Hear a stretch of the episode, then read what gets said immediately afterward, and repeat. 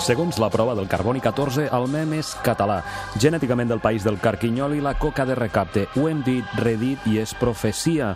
Els avis dels mems són les revistes humorístico-satíriques catalanes. Ninots, dibuixos acudits, humor viralitzat que ha fet bullir l'imaginari col·lectiu des del segle XIX, amb casos realment immortalment i tergiversats, mutacions, lobotomies i altres fantasies, i amb rerefons d'armari polític.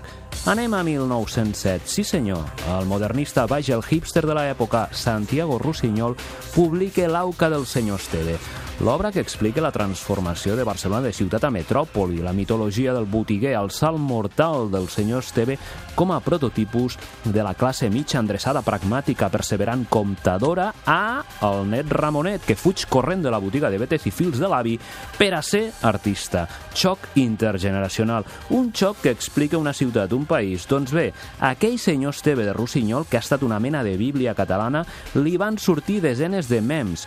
El primer, el nuclear, i a partir del qual van brotar els milers de clons, va ser l'antisenyor Esteve del dibuixant Josep Costa, més conegut com a Picarol. Era un senyor Esteve amb levita, barret de copa, ulleres fumades, com un enterramorts amb la mitja rialla que sempre guanya, com un transgènic de vampir empeltat amb l'estètica de Matrix fosc. I aquí comença la lluita de mems del senyor Esteve. Sí, el senyor Esteve de Rossinyol va ser popular, però el senyor Esteve i clons del dibuixant Picarol van vampiritzar l'imaginari col·lectiu. Un senyor Esteve reaccionari, fariseu, usurer, defensor de l'ordre a través de la força, el símbol d'un petit burgès caníbal, un estereotip que perviu fins avui. Va ser, en el fons, en el fons, la lluita entre la dreta i l'esquerra.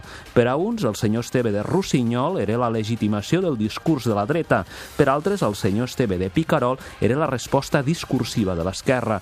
Més d'un segle després, ja no sabem qui és el veritable senyor Esteve. De fet, molta gent no sap ni qui és el senyor Esteve, fins que ara circuli per la xarxa algun mem, algun dibuix d'un tal Mr. Stephens, que algun professional dels mems nord-americà haurà copiat i memitzat i ens el vendrà als catalans com si fos americà i com a bons rucs, a l'establir els catalans ens ho creurem i riurem de nosaltres mateixos. I del senyor Canosa. Una història molt interessant, com sempre. Gràcies, Francesc Canosa, i ens retrobem d'aquí no res.